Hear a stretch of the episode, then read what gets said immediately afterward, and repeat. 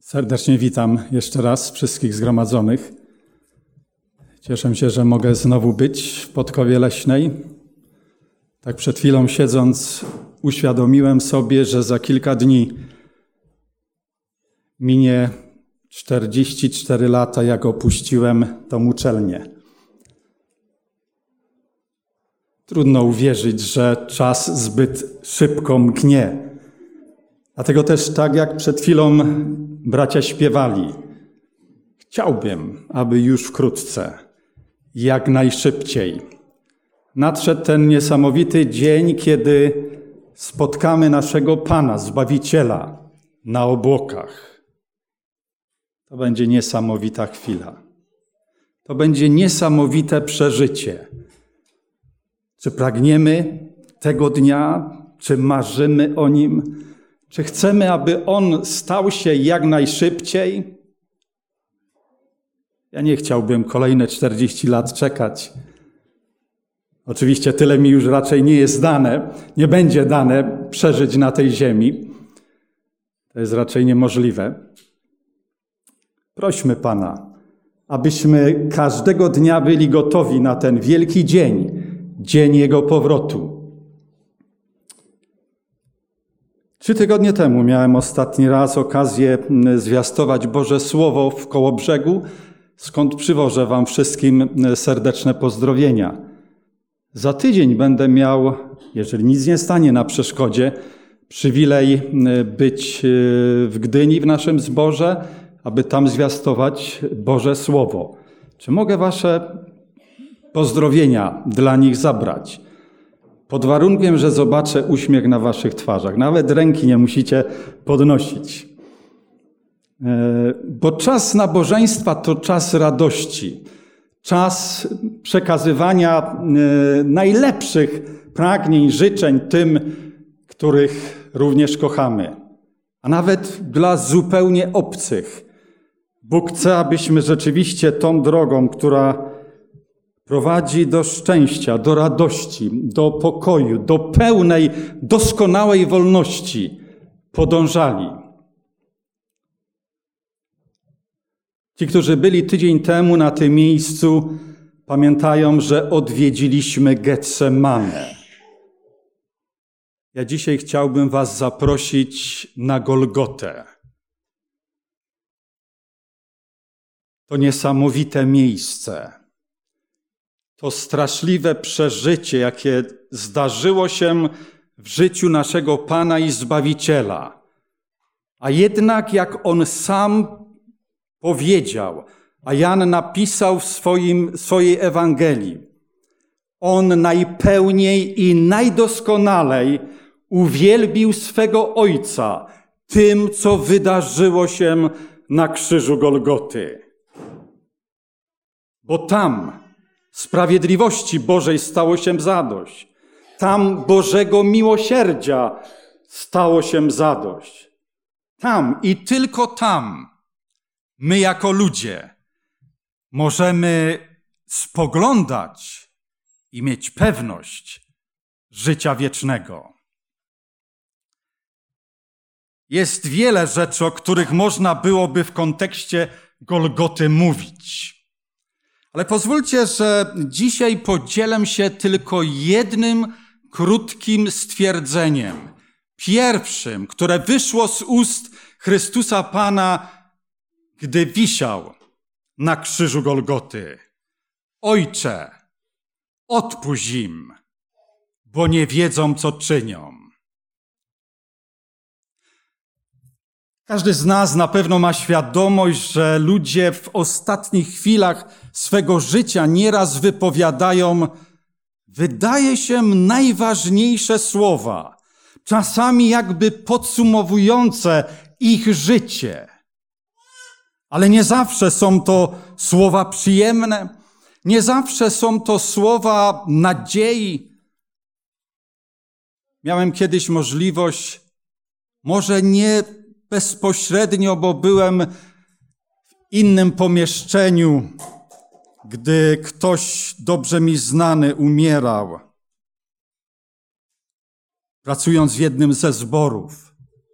Na ustach tego człowieka były słowa bluźnierstwa. Zastanawialiśmy się, dlaczego. Ten człowiek, którego znaliśmy z bardzo dobrej strony, pozytywnej strony, jego jedne z ostatnich słów były słowami wyrzutu dla Boga. Dlaczego musi umierać, będąc jeszcze tak młodym? Charles Darwin, Karol Darwin, kiedy umierał, wypowiedział niesamowite zdanie. To wszystko było nieprawdą. Jeżeli naprawdę teorię, którą on stworzył, określił, nałożył śmierci, że to wszystko nieprawda, przecież nie jest to smutne, że dzisiaj ciągle te teorie głoszone są w szkole, na uczelniach. Nawet większość chrześcijan w to wierzy, że mamy kuzynów w zoo, że nie Bóg jest stwórcą nas jako ludzi. Czyż nie jest to smutne, czyż nie jest to przykre, kiedy królowa Anglii Elżbieta umierała, wypowiedziała bardzo ciekawe zdania. Boże mój, wszystko się kończy. Nadszedł koniec życia, koniec, koniec. Jest tylko jedno życie, a potem śmierć. Żyłam, kochałam i zwyciężałam, a teraz życie kończy się. Można przeciwstawić się wszystkiemu oprócz śmierci. I miała stuprocentową rację. Będąc sławną, będąc bogatą, moglibyśmy powiedzieć, niczego jej nie brakowało. Ale nie mogła poradzić sobie z tym, co czeka, czy chcemy w to uwierzyć, czy chcemy to zaakceptować, czy też nie czeka każdego człowieka. Jeszcze jedna wypowiedź, tym razem z Pisma Świętego, pochodząca spod pióra apostoła Pawła. Oto w drugim liście do Tymoteusza, czwartym rozdziale, siódmym wierszu napisał: Dobry bój bojowałem, biegu dokonałem, wiarę zachowałem. Mimo, że znajdował się w straszliwych warunkach więzienia tam w Rzymie, więzienia mamertyńskiego, nie utracił nadziei. Wiedział, że bieg życia dokończył, że jak powie w kolejnych wierszach, myślach tego rozdziału, została mu odłożona korona chwały, wieniec chwały, wieniec zwycięstwa który włoży na Jego skroń Jego Pan, Jego Zbawiciel w dniu ostatecznym. Ale wróćmy do Chrystusa Pana, do tego, co było przeczytane z 23 rozdziału Ewangelii Łukasza. A Jezus rzekł, Ojcze, odpuść im, bo nie wiedzą, co czynią. Siedem razy Chrystus Pan zabiera głos na Golgocie. To są Jego pierwsze słowa płynące z Golgoty. W tym wielkim cierpieniu, tej niesamowitej walce, jaką musiał stoczyć. Chociaż rozumiejąc to, co mówi Pismo Święte, najtrudniejszą walkę Chrystus Pan stoczył właśnie w Getsemane. A teraz, kiedy znajduje się na Golgocie, chociaż było to straszliwe przeżycie, po ludzku mówiąc, to z jakimże spokojem, jakże pokojem myśli, uczuć, woli, Przyjmował to nasz Pan i Zbawiciel. Nie koncentrował się na sobie, nie myślał o sobie, ale myślał o tych, którzy go otaczali. Wypowiadając te szczególne słowa. Odpuść im, bo nie wiedzą, co czynią. Gdy uświadomimy sobie, że było to w momencie, kiedy żołnierze i słudzy arcykapłana wcześniej pojmali go, pluli mu w twarz, policzkowali go, bili pięściami, wyśmiewali się z niego, nałożyli na jego głowę koronę z ciernia, ubiczowali go, zdjęli z niego szaty i ukrzyżowali. Pomyśl przez chwilę, gdybyś to ty znalazł się w tej sytuacji, wiedząc, że jesteś w stu procentach niewinny, a zostałeś tak niesprawiedliwie potraktowany. Czy nie cisnęłyby się słowa groźby, potępienia dla tych, którzy tak okrutny sposób podeszli do ciebie? Czy byłbyś gotowy tak jak Chrystus Pan. No powiecie, On był Zbawicielem. On był prawdziwym Bogiem, który stał się prawdziwym człowiekiem. My jesteśmy ludźmi grzesznymi. Ale przecież On chce, abyśmy w naszym życiu odzwierciedlali Jego charakter.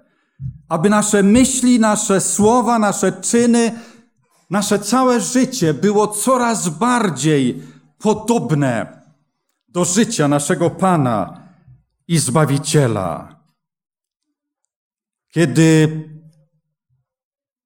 Corin ten Boom pisała swoją książkę Bezpieczna kryjówka, opisuje tam historię, jak to była traktowana podczas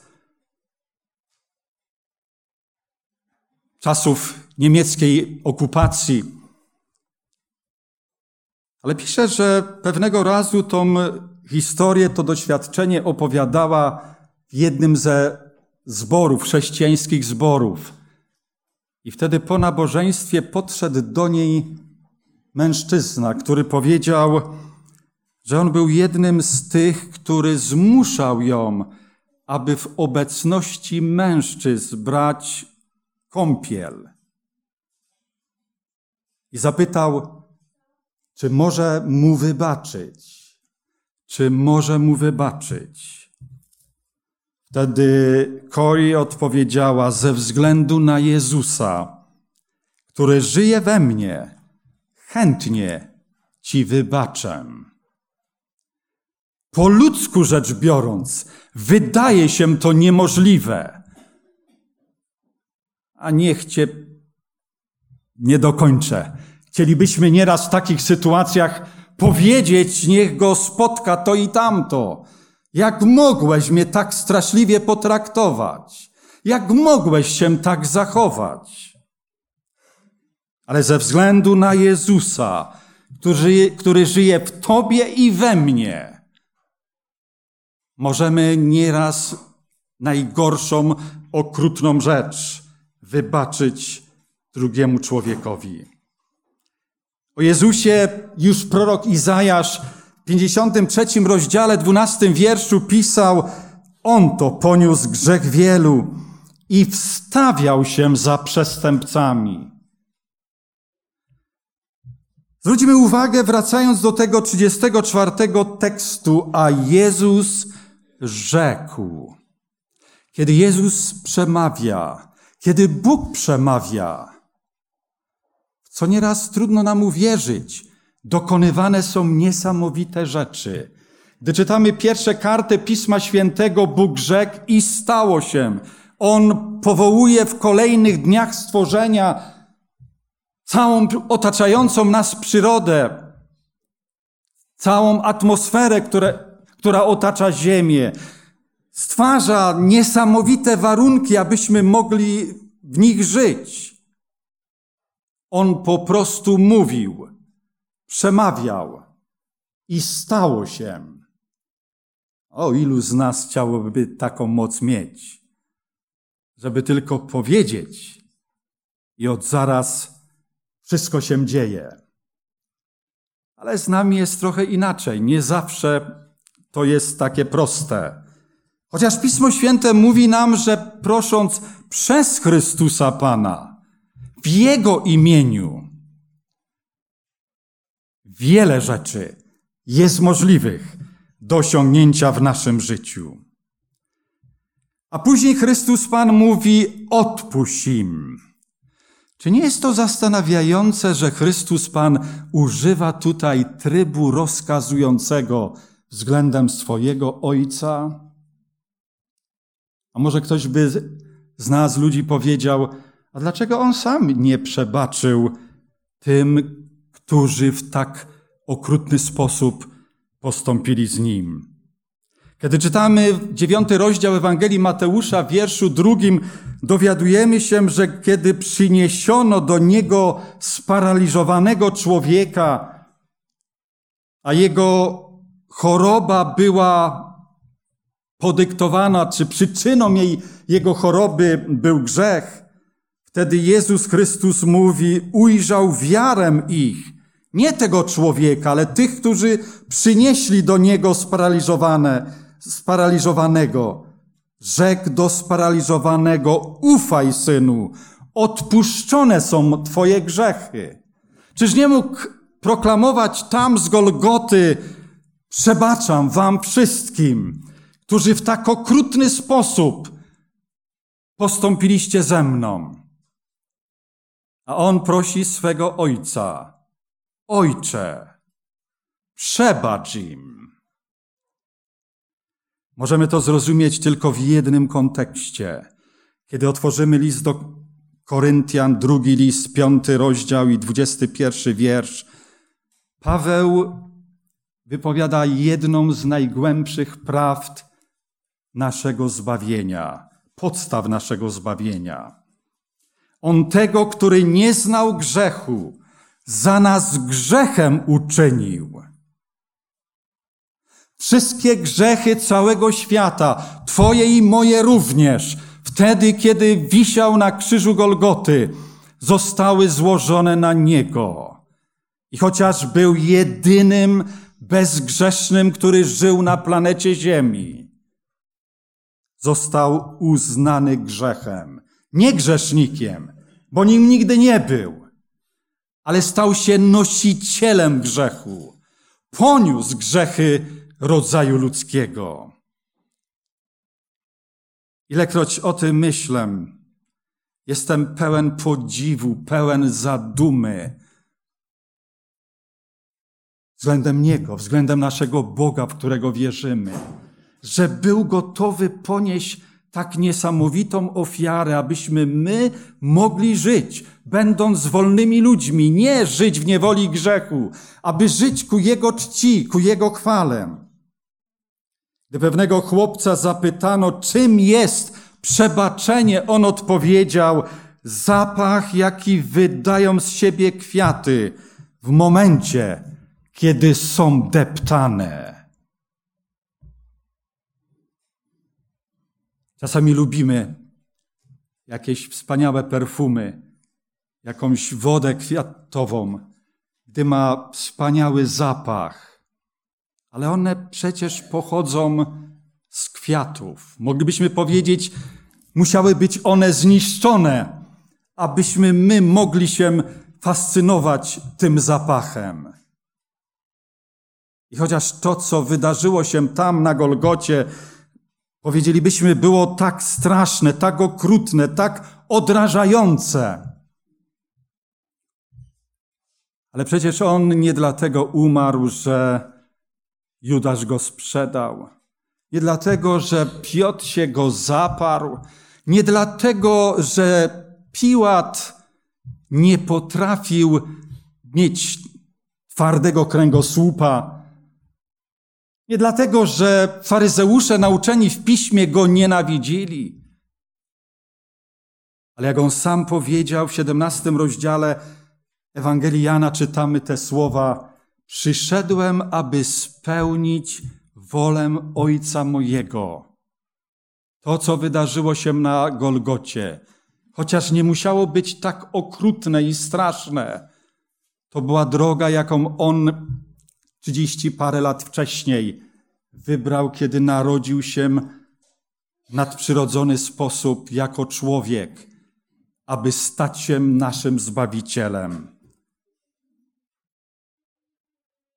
No właśnie, jak to jest w Twoim i moim życiu? Czy jesteśmy chętni przebaczać tym, którzy nas skrzywdzili?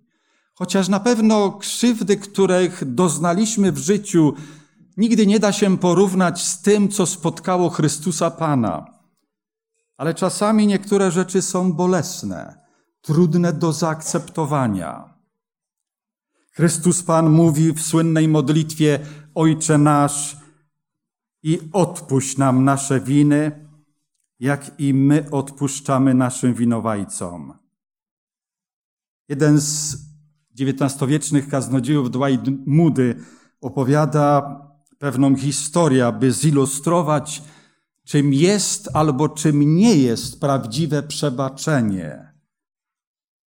Pisze o pewnym człowieku, który miał sąsiada, któremu nie mógł przebaczyć jego grubiańskiego, okrutnego postępowania. Ale zbliżała się śmierć jego, dlatego też poprosił, aby ów sąsiad przyszedł do niego i takie oto słowa do niego skierował. Odpuszczam ci teraz całkowicie, ale na wypadek, gdybym wyzdrowiał, ponownie będę chował wobec ciebie urazem.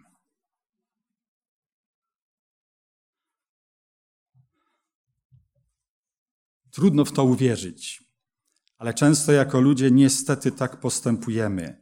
Przebaczenie Chrystusa Pana było bezwarunkowe. On po prostu przebaczył dzięki temu, co uczynił na krzyżu Golgoty, a jego ojciec to zaakceptował.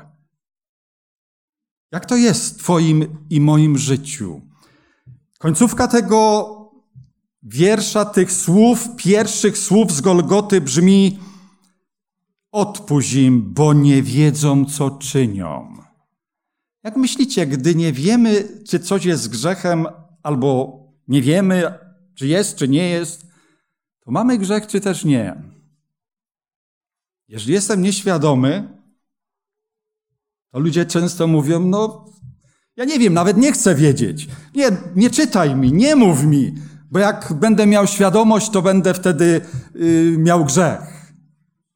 Już na kartach Starego Testamentu w trzeciej księdze Mojżeszowej w piątym rozdziale, piętnastym wierszu możemy przeczytać, że nieznajomość nie usprawiedliwia nas. Nawet grzech nieuświadomiony jest grzechem, za który Chrystus Pan również umarł. A Paweł w liście do Tymoteusza, w pierwszym liście, drugim rozdziale, czwartym wierszu napisze, Bóg chce, aby wszyscy ludzie byli zbawieni i doszli do poznania prawdy. Było to dosyć dawno temu, Jeden z prezydentów Stanów Zjednoczonych pewnego dnia postanowił odwiedzić więzienie. Kiedy wszedł do więzienia, najpierw oczywiście e, kierownictwo więzienia odwiedził, rozmawiał z nimi, a później miał życzenie pójść i porozmawiać z więźniami. No, trochę się po prostu Y, służba obawiała, że to różnie się może skończyć dla prezydenta, bo przecież różni więźniowie w więzieniu przebywali, ale to było jego zdanie. On chciał po prostu z więźniami się przywitać, porozmawiać i tak też zdecydował.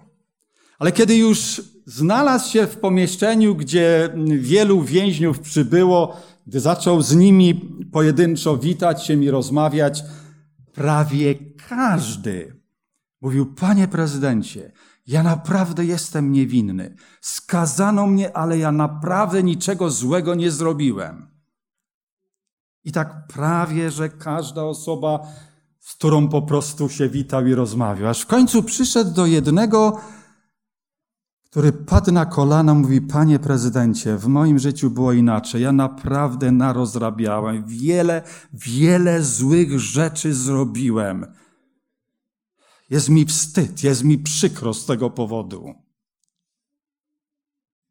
I teraz słuchajmy, co powiedział prezydent.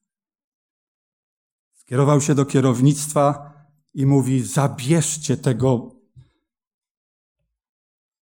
niewłaściwego, bezbożnego, grzesznego człowieka z tego miejsca, bo on zdeprawuje wszystkich pozostałych, którzy są niewinni. Czasami, wiecie, wydaje nam się, że my jesteśmy niewinni, że my jesteśmy prawie już bezgrzeszni. O, ten, tamten, ów, to ma jeszcze wiele za uszami. Ale ja, ja naprawdę nigdy. Wiecie, mnie nawet zdarzyła się kiedyś taka dosyć, no powiecie, śmieszna sytuacja, chociaż to wcale nie było śmieszne. Przemawiałem gdzieś, e, no nie powiem gdzie dokładnie, bo byśmy się mogli domyślić, ale było to w diecezji wschodniej. Dzisiaj często mówię o diecezji wschodniej, nie wiem dlaczego, ale tak było naprawdę. Wygłosiłem e, kazanie, nie to, które dzisiaj mam tutaj, już nawet nie pamiętam jakie, E, po modlitwie, jak mam w zwyczaju, co i dzisiaj uczynię, e, stanąłem gdzieś tam przy drzwiach i żegnałem kolejne osoby. I w pewnym momencie stanęła przede mną bardzo poważna, starsza osoba, siostra, i powiedziała mi tak. Bracie, a czemuś ty tak dzisiaj w modlitwie końcowej wiele Boga prosił o przebaczenie grzechów? Czyś ty coś narozrabiał w tym tygodniu? Może to trochę inne słowa były, ale sens był w stu procentach taki, jak powiedziałem. Powiedziałem, droga siostro, wydawało mi się, że ta końcowa modlitwa, tak jak każda modlitwa publiczna na nabożeństwie, jest w imieniu wszystkich zgromadzonych. Ja nie tylko prosiłem o przebaczenie swoich grzechów, ale Twoich również. O, była bardzo zdziwiona. W jej życiu grzechów nie ma. Jeżeli tu w Podkowie Leśnej nie ma grzeszników, to wybaczcie. E, być może nie do Was powinienem te słowa kierować. Ale gdyby się zdarzyło inaczej, e, to weźmy sobie to do serca. Bo inna historia mówi, jak to pewien starożytny król, który stłumił rebelię w swoim królestwie i armia zgromadziła wszystkich buntowników na placu przed nim Jeden z jego doradców powiedział: No, teraz możesz naprawdę krwawo rozprawić się z nimi. To są buntownicy. A on wtedy powiedział: Zgadzam się, ale ja nie widzę buntowników, widzę tylko obywateli królestwa. Drodzy, gdy nieraz o tym myślę, dochodzę do wniosku, że w jakim stopniu każdy z nas, może się mylę. Każdy z nas buntował się przeciwko Bogu, buntował się przeciwko Jego woli, buntował się przeciwko Jego słusznym drogom, drogom prawości, sprawiedliwości, miłosierdzia. A jednak, a jednak nasz niebiański Ojciec, gdy przychodzimy do Niego, nie patrzy na nas jak na buntowników ale jako obywateli Jego niebiańskiego królestwa. Czyż nie jest wspaniały Bóg, którego znamy, którego kochamy, któremu chcemy oddać cześć i chwałę? Dlatego też, jak napisał apostoł Paweł w liście do Hebrajczyków w siódmym rozdziale, dwudziestym piątym wierszu, dlatego też może zbawić na zawsze tych, którzy przez Niego przystępują do Boga, bo żyje zawsze, aby się wstawiać za nimi. Ostatnie pytanie, które chciałbym Wami sobie postawić. Z kim chcielibyście się dzisiaj zidentyfikować, gdy słyszymy słowa Chrystusa Pana? Ojcze, przebacz im, bo nie wiedzą, co czynią. Z Piłatem, faryzeuszami, z Piotrem, Judaszem, niewiastami, które stały pod krzyżem Golgoty, Nie ma znaczenia, z kim się utożsamisz. Jesteśmy wszyscy w potrzebie przyjęcia boskiego przebaczenia, aby móc patrzeć absolutnie z nadzieją w przyszłość, cudowną przyszłość. Tak jak słyszeliśmy w pieśni przed chwilą, czy pół godziny temu śpiewaną, że On już jest gotowy przyjść, przyjść i zabrać nas wieczne życie. Nie pozwól, aby cokolwiek w Twych myślach, w Twych słowach, w Twych czynach, w Twym życiu oddzieliło Cię od tego, który był gotowy opuścić niebo, przyjść na tą ziemię, umrzeć na krzyżu Golgoty, abyśmy pewnego dnia wszyscy mogli z Nim żyć wieczności. Pamiętaj, gdyby się jednak zdarzyło inaczej, że zrezygnujesz z możliwości bycia z Nim wieczności. Pamiętaj, że pustkę w Jego sercu nie wypełni po Tobie, nie wypełni nikt inny. Pamiętaj o tym. Amen.